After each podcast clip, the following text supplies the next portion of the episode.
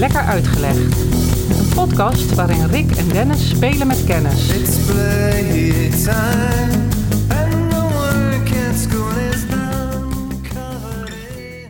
Ik heb daarom gekozen voor een onderwerp die te maken heeft met Indiaans-Amerika. Voor de verandering. Ja, nou ja, eigenlijk heb ik daar heel veel mee gedaan. Eh, Nou, de allereerste. Nou, wat? Ja, de allereerste, maar daarna weet ik het eigenlijk. Nee, ja, er komt af en toe ja. eens, hè, als we het over de, over de tomaat Ja. hebben, dan komen we bij de tomatel. En eh, Advocaat? Eh, advocaat avocado? ja, Niet over? En- nee, ik denk het niet. Nee, verder valt het nog wel mee. Of, het valt wel mee hoor. Maar we- het zal hier en daar natuurlijk altijd wel eens een keer te sprake komen. En eh, onderdelen van wat ik vandaag met jou ga bespreken... eh, zijn vast ook wel eens hier en daar flinterdun langsgekomen in eerdere podcasts. Maar ik dacht, laten we nu gewoon het verhaal maar eens eventjes eh, in zijn geheel vertellen. Dan hebben we dat er ook een keertje uit, uitgegooid. En ik wil het met jou hebben over de goedgelovige Montezuma. ja. Ga je, nog zijn, ga je gaat het over zijn wraak hebben ook, denk ik. Of, eh? Dat doen we even in de trivia. Dus we bewaren het, eh, het, het sappigste voor het laatst, uiteraard. Maar eh, toch wel even naar een hele bijzondere geschiedenis van Europa en van de nieuwe wereld kijken met je. Ik weet er heel niet zoveel van eigenlijk. Ik ken, men- eh, ken, ik ken de Close Harmony groep. Ja, dat is een Nederlandse. ja, was best... Maar dat is ook al van jaren geleden. Of misschien zijn ze nog wel actief. ja, hoor. Dat, kan best. eh, wat was het, eind jaren tachtig? Toen was ik heel erg in toen, Close Harmony. Jo. Eh, van de Flying Pickets tot, eh, ja, je had toen redelijk wat groepjes van vijf, vier, vijf, zes mannen, de Nylands. Dat was al begin Ja. jaren tachtig. Hij zegt, zet ik nog steeds gaat. Oh, ja, Montezuma's Revenge was inderdaad een Nederlandse groep van ook vijf of zes. Ik weet niet hoeveel erin zaten. Nee, ik, heb, ik heb die Close Harmony periode nog niet gehad. Misschien, misschien komt die nog, maar ik hoop het eigenlijk niet. nou, dat is, ja, ik, nou ja, goed. Ik, Nee, hoor, nee, ja, maar je moet door allerlei fasen heen gaan. En ik ben waarschijnlijk ook wel door fasen heen geweest waarvan jij denkt van nou, eh, ik hoop dat ik die oversla de rest van mijn leven. Maar ik, eh, nee, nee, eh, Montezuma's Revenge. ja, ik ga het wel even over de wraak hebben aan het eind van het verhaal, maar niet over de Close Harmony groep. Oké, nee, maar Montezuma, ja, dat is eh, leuk, want ik ken daar, eh, ik weet daar eigenlijk goed beschouwd niks van. Ik zie een een of andere tekening van een, eh, ja, bijna Japanse eh, godachtige. Nou ja, dat, dat godachtige, dat, dat klopt wel. Oh. Want hij was, hij was de. de, de we hebben, we gaan het hebben over de periode natuurlijk van de veroveringen. 1466 tot 1520. eh, dat zijn die jaartallen die bij Montezuma eh, horen. En dan heb ik het over Montezuma II. niet te verwarren. Hij met, was keizer in het. Hè, niet te verwarren met. Montezuma 1. Montezuma 1 was een van zijn negen voorgangers. Hij was de negende keizer van het Azteekse Rijk. Oké. En Azteekse Rijk is misschien niet helemaal het juiste woord. Hij was zeg maar de, de, de keizer van de Mexica. En dat is weer een afstammeling van Azteken. Maar ja, je moet ook beseffen dat er in dat hele eh, Mexicaanse, eh, Midden-Amerikaanse eh, gebied, dat daar ontzettend veel stammen leefden in de periode van de verovering. En wij hebben natuurlijk ge- gezegd van nou dat zijn de Tolteken, dat zijn de Maya's, dat zijn de Azteken en een heleboel stammen op die hoop gegooid. Maar goed beschouwd was Montezuma de keizer van de Mexica. Maar als ik zeg Azteken, dan bedoel ik hetzelfde eigenlijk. Maar dat is dus eh, een, een, een nageslacht van de Azteken, zeg maar. De Mexica, Ja, ja. wat wij als eh, En- Mexico kennen. Nou ja, eh, dat eh, inderdaad, ja. Eh, hij was de heerser en, eh, van een enorm groot rijk. En dat werd bestuurd vanuit Tenochtitlan. En dat kennen we weer als het huidige Mexico-stad. Nou is het bijzonder, en jij zei al even, ik zie een soort Japanse godheid vormen. Nou, Japans was hij natuurlijk niet, maar de tekening eh, heeft wel die Japanse stijl. Want ik denk wel, hè, als je kijkt naar de Azteekse afbeeldingen, dan is dat misschien nog niet eens zo gek gedacht. Maar die Midden-Amerikaanse of Meso-Amerikaanse culturen, waaronder dus de Mexica, de Tolteken, de Azteken, de Olmeken en noem ze allemaal maar op, die hadden eh, vrij streng geloof, of, of sterk geloof moet ik eigenlijk zeggen. was super gelovig. En eh, in tegenstelling tot onze westerse wereld hadden ze daar het geloof in heel veel verschillende goden. En een god, godsdienst dat wij animistisch noemen. Hè? Dus je had de god van de bergen, je had de god van de, van de, van, van, van, van, van de wind, eh, van het water. En nou, zo waren er talloze goden. En weet jij wie de oppergod was in het Meso-Amerikaanse cultuurgoed? Nee, geen idee. Nee? Vast wel eens van gehoord. Quetzalcoatl. Ja, we hebben wel van gehoord. Dat is de opper, een soort Zeus. Een Ja. soort, eh, Ja, ja, ja. Zeg maar de, de, de, de, de allerbelangrijkste god. Hij was de schepper van hemel en aarde in de legendes van de, van de Meso-Amerikanen. Oké. En dat betekent gevederde slang. En Montezuma betekent eh, hij die een pijl naar de hemel schiet. Dat is hemel en, en godheid. Je moet zien dat Montezuma die werd ook vereerd als een soort godheid. Hè? Dat was in die cultuur gewoon goed. Dat de hoogste leider, hè, die stond ook het dichtst bij de goden. Je zegt het allemaal zo. Ik blijf een beetje bij het Japanse beeld hangen. Want die hadden ook een goden voor de wind. En eh, de kami van de wind Ja. en de bergen. En ook dat de keizer de hoogste... Ja, god- Ja. goddelijke. Maar dat is niet per se Japans of Meso-Amerikaans. Ik denk dat dat een heel veel cultuur, oudere culturen, een, eh, een onderdeel was. Ja, ik, misschien is dat wel de, de, het pad wat, wat iedere samenleving Ja. misschien doorgaat. eh, Ja. in, in, in zijn geloof, in zijn kennis en het gebrek eraan enzovoort. Bijgeloof. Ehm, maar die Quetzalcoatl die is heel erg belangrijk in het, eh, in het verhaal. Want eh, de schepper van de hemel en aarde eh, vertaalt de gevederde slang. Die kwam in legendes naar voren, die ook de Mexica hanteerde en waar ze in geloofden. Als een godheid die in verschillende gedates kon verschijnen. en dat past natuurlijk ook wel in dat animisme, waar heel veel goden in heel veel verschillende gedaantes verschijnen. Maar dat betekende ook dat Quetzalcoatl in een menselijke gedaante kon verschijnen. En dat is een hele belangrijke in dit verhaal. Volgens de legende was Quetzalcoatl al eeuwen geleden, dan hebben we het over eh 15, eh, eind 15e, begin 16e eeuw, was hij uit Midden-Amerika vertrokken. Hij, had, eh, hij was boos geweest op de Tolteken. En eh, is via de Oostelijke Zee, en dat is eh, wat wij noemen de Golf van Mexico, zou hij zijn vertrokken naar het Rode Land ver weg. Nou, dat is het idee. Hè? Dat, zo is de godheid eigenlijk verdwenen. Maar bij die legende hoort natuurlijk het verhaal dat hij ooit weer terug zal keren. En zijn plek op de troon eh, opnieuw zou bestijgen. Hè, dus de cultuur, eh, het, het rijk, de mensen in Meso-Amerika, eh, Meso-Amerika wachten natuurlijk op het moment hè, dat de verlosser weer terugkomt. Zoals het in heel veel godsdiensten natuurlijk het geval Ja. is. Dat was daar niet anders. Maar de legende vertelde ook dat Quetzalcoatl in de gedaante van een blanke man met een baard zou terugkeren. Ja. en dat is nogal bepalend geweest eh, voor de geschiedenis en de verovering van de nieuwe wereld. Ehm, achteraf is dat allemaal tegen het licht gehouden. Hè, van is dit wel zo? Ja, dat vroeg ik me meteen Eh, af. ja, is dit niet een mooi verhaal en eh, was de werkelijkheid niet anders? Ja, waarschijnlijk wel. Maar dat neemt niet weg dat er natuurlijk wel serieus naar dat verhaal wordt gekeken en naar onderzocht wordt. En hè, er worden parallellen getrokken met eh, de heilige Brandaan. Misschien heb je die wel eens, Ja. eh, eh, die ken Ja, je? dat was, je had op de. ik heb Nederlands gestudeerd. Tenminste, ik begon Mhm. met zo'n reeks aan vakken die je allemaal moet doen.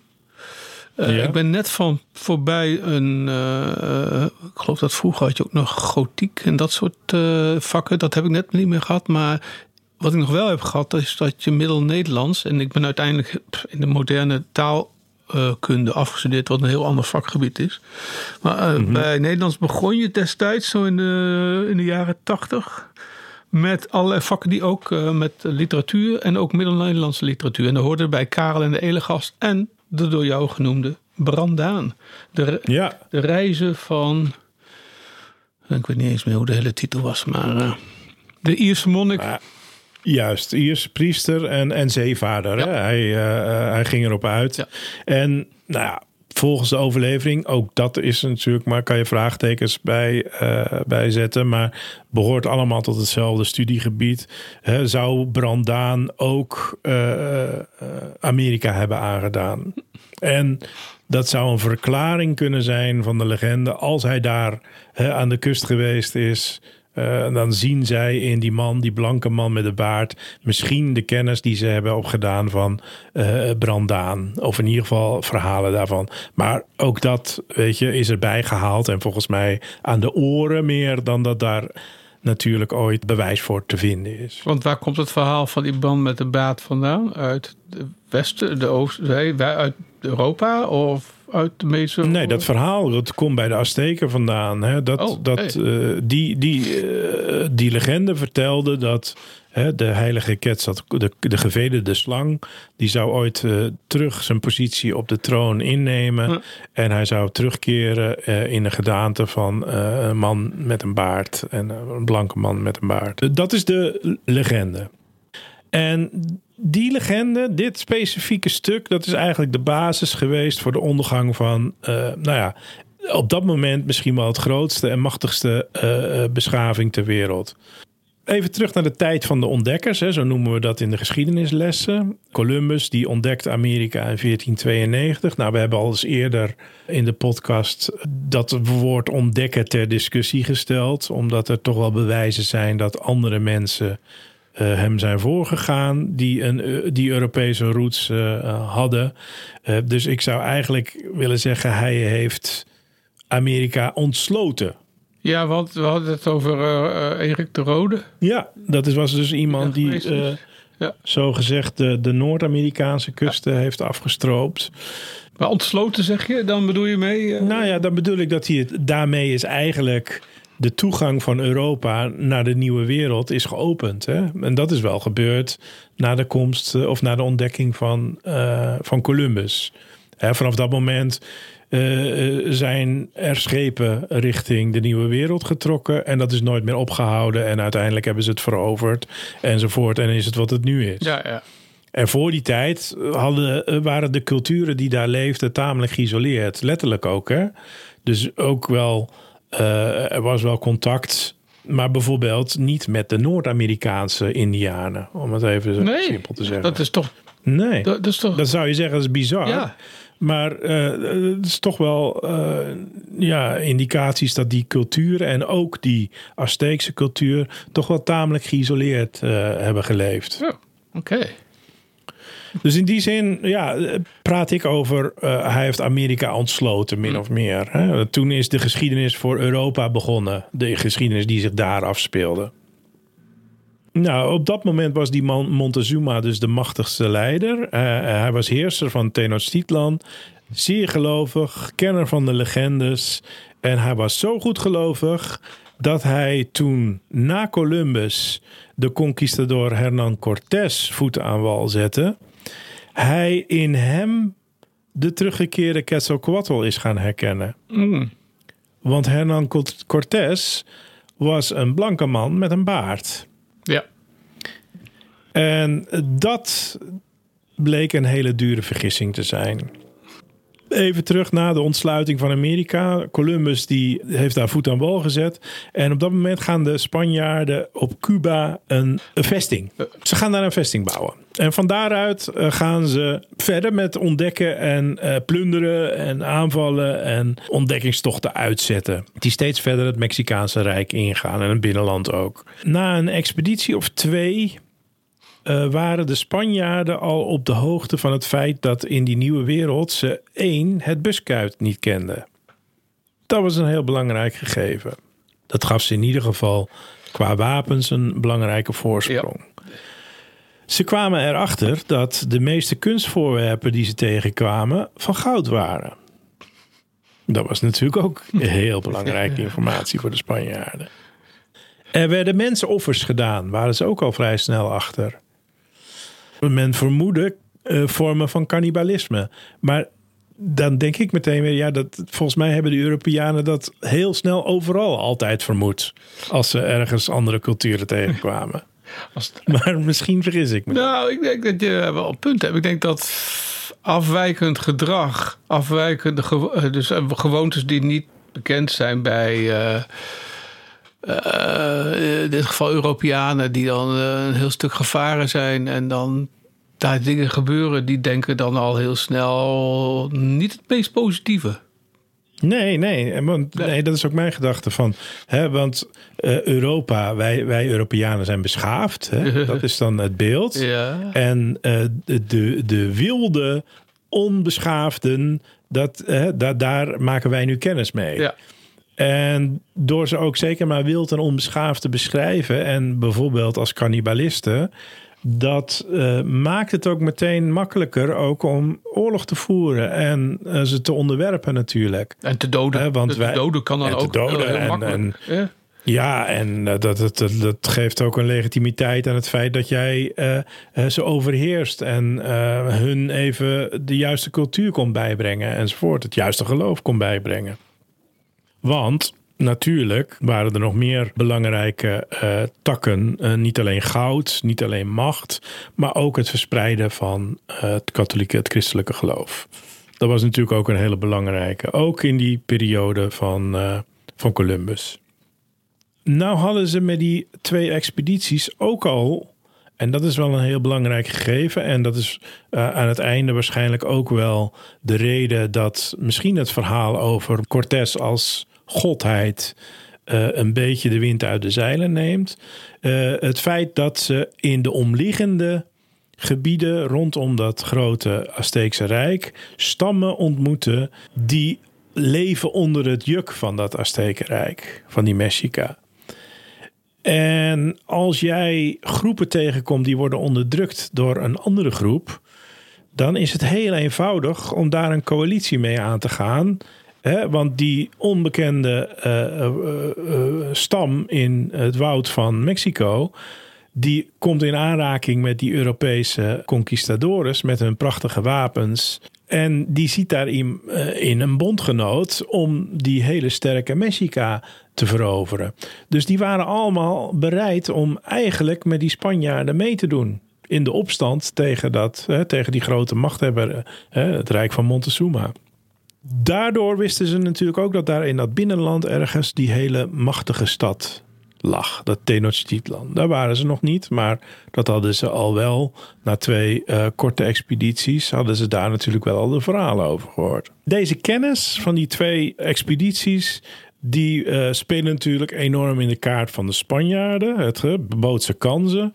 Ten eerste, zij konden eh, op pad gaan om dat goud, hè, die kunstschatten te gaan verzamelen, dat christendom te gaan verspreiden en onderweg te kijken of ze hun machtspositie konden vergroten. Hè, de drie grote drijfveren van de veroveraars. Nou, dan zijn we in 1519. Dus dan zijn we hè, 1492, de ontsluiting van Amerika. 1519, dan zijn we bij Hernán Cortés. Hij is dan magistraat van eh, Santiago in Cuba. Dus hij is zeg maar de leider in, in, een vesting die de Spanjaarden hebben gesticht op Cuba. En hij gaat eh, zijn derde expeditie vanuit Cuba eh, organiseren. Neemt mee artillerie, paarden en honden. Alle drie van enorm groot belang. Om te beginnen de artillerie. Ze kenden geen buskruid. Door eh, donderbussen mee te nemen, maakten ze een enorme eh, indruk en eh, zaaiden ze angst bij iedereen die ze tegenkwamen. De paarden, dat was iets magisch, want die kenden ze helemaal niet in Midden-Amerika. Dus dat waren vreemde wezens voor de eh, autochtone bewoner daar. En de honden, nou, die brachten eh, misschien nog wel meer angst teweeg dan de donderbussen. Want dat waren hazenwindhonden en die werden getraind om te verslinden. Dus dat waren moordwapens. En eh, zo ging hij op pad met nog 400, 500 eh, soldaten in zijn kielzog. En hij naderde die grote stad die daar in het binnenland verborgen lag, Tenochtitlan. Die stad is ooit gesticht. Hè? Dat zien we nog steeds in de Mexicaanse vlag terug. Eh, in het centrum van de Mexicaanse vlag. Een adelaar met een slang in zijn bek op een eh, cactus. Nou, volgens de legende was het verhaal van de Azteken. Die waren verdreven om een groot rijk te stichten op de plek daar waar een cactus stond met daarop een adelaar en een slang in zijn bek. Nou, die vonden ze in hun rondtrekkerij, eh, vonden ze die midden op een eilandje in het meer van Texcoco. En ze zijn zich op dat eilandje gaan vestigen en van daaruit zijn ze eigenlijk door eh, eh, een soort van eilandjes te gaan bouwen, hebben ze dat meer tot een grote stad weten om te bouwen. En dat is het huidige Mexico-stad. Dus dat begon als een meer. Ja, meer van Texcoco. En dat hebben ze, eh, daar hebben ze drijvende akkers. Dat noem je chinampas. En eh, er zijn er nog een paar van over. Die hebben ze steeds aangemaakt. En eh, zo zijn ze steeds meer en steeds meer. En ze zijn op die akkers gaan verbouwen. Hele vruchtbare gebied. En langzaam maar zeker is er een stad ontstaan rondom die akkers. Die drijvende akkers. Beetje een soort omgekeerde inpoldering eigenlijk. Eh, Ja, oh, Oké, leuk. Ja, en, zo, eh, en, en zodoende zijn die Azteken zich daar gaan, eh, gaan vestigen. En toen Cortés daar met zijn soldaten de Tenochtitlan naderde... en er zijn ook echt eh, verslagen van, hè, van de soldaten die in zijn kielzog meegingen... dat die enorm onder de indruk waren toen ze eh, in de vallei keken... en daar die grote, enorm grote stad zagen liggen. Met zijn prachtige eh, architectuur, met zijn eh, stratenplannen en duizenden, eh, honderdduizenden inwoners. Groter dan enig stad in Europa die bekend was eh, in dat, op dat moment. Nou, die konden hun ogen eigenlijk niet geloven toen ze daar die stad zagen. Op dat moment was Montezuma de negende keizer die daar met harde hand heerste.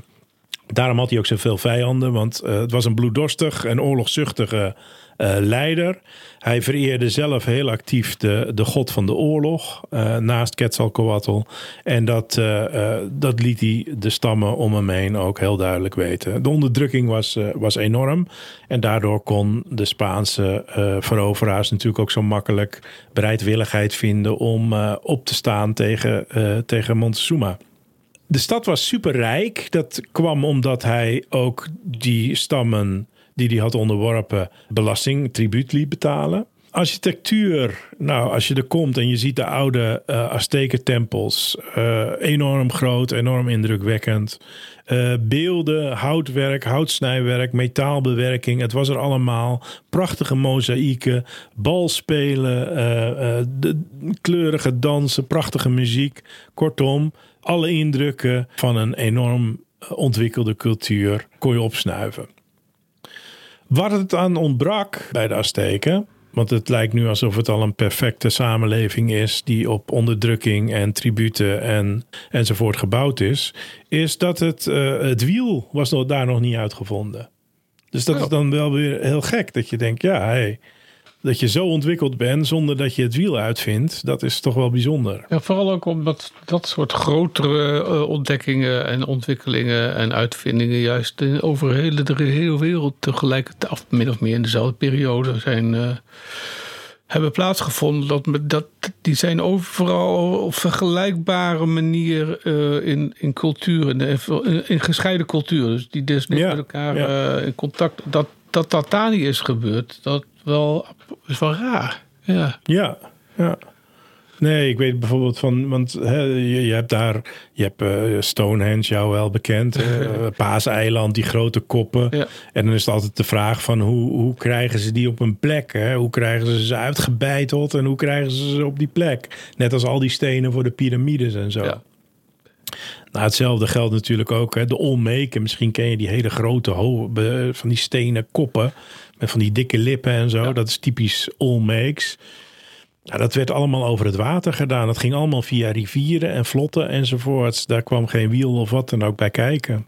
Nee, dat geldt ook voor, waarschijnlijk voor. eh, ik heb heel veel over Stonehenge gelezen en eh, eh, documentaires gezien. En een daarvan was dat dat de grootste stenen die van ver weg kwamen waarschijnlijk zijn aangevoerd, heel waarschijnlijk zijn aangevoerd via waterwegen.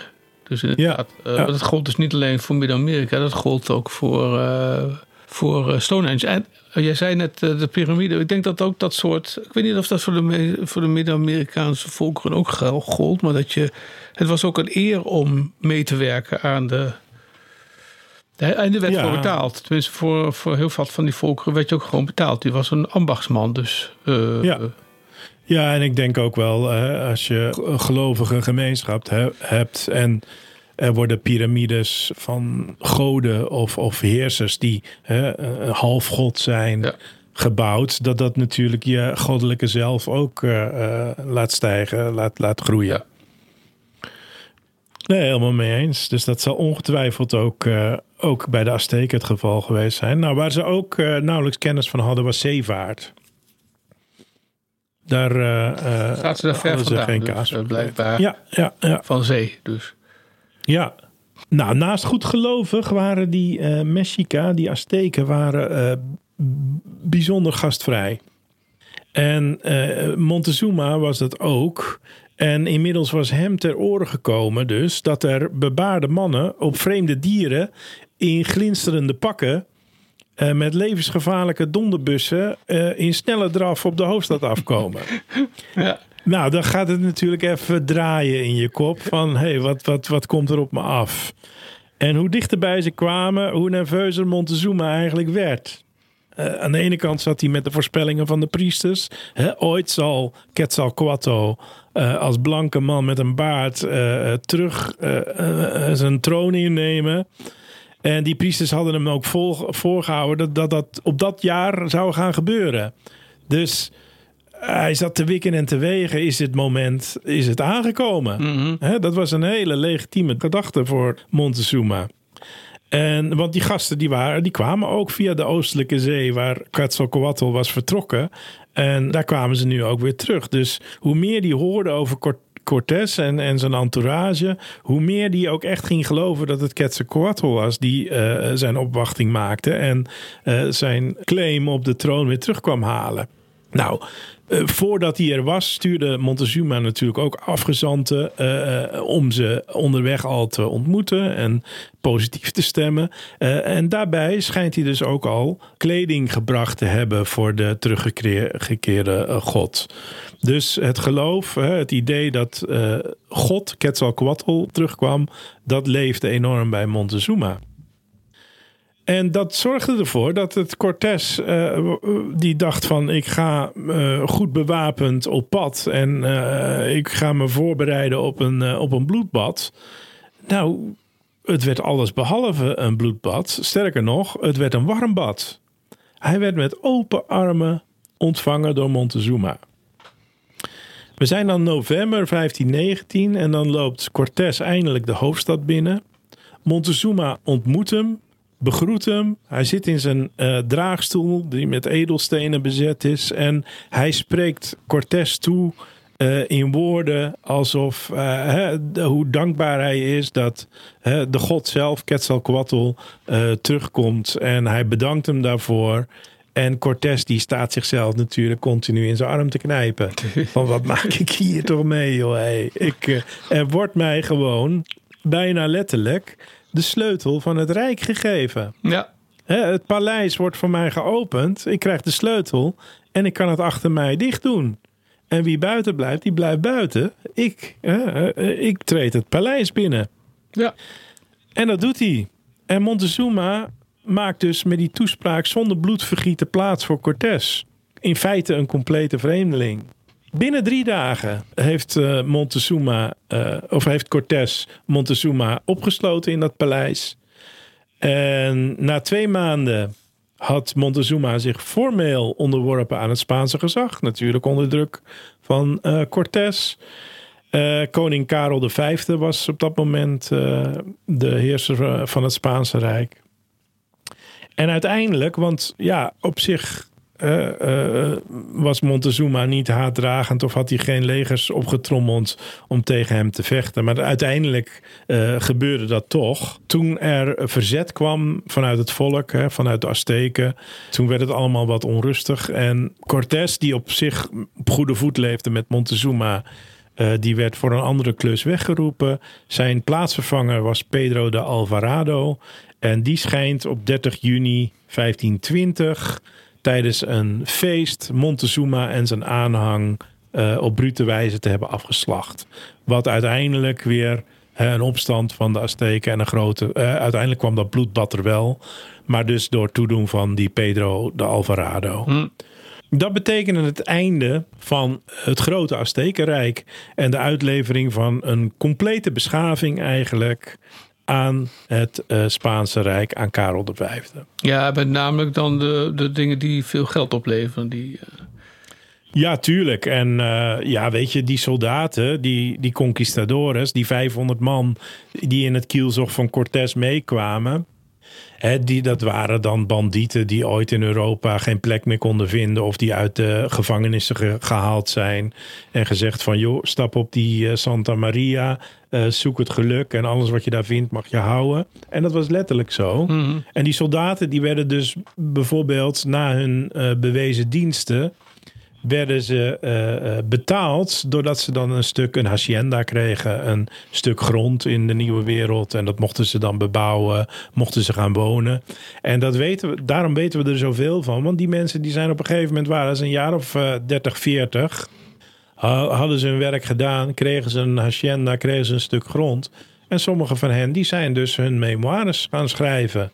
Die zijn hun ervaringen op gaan schrijven. eh, hoe ze met Cortés Tenochtitlan binnen zijn gekomen. Hoe ze ontvangen werden door Montezuma. Wat er gezegd werd enzovoort. Dus die bronnen die zijn vrij goed bewaard. Doordat eh, eh, de Spanjaarden eigenlijk nou ja, goed voor hun soldaten zorgden. ja.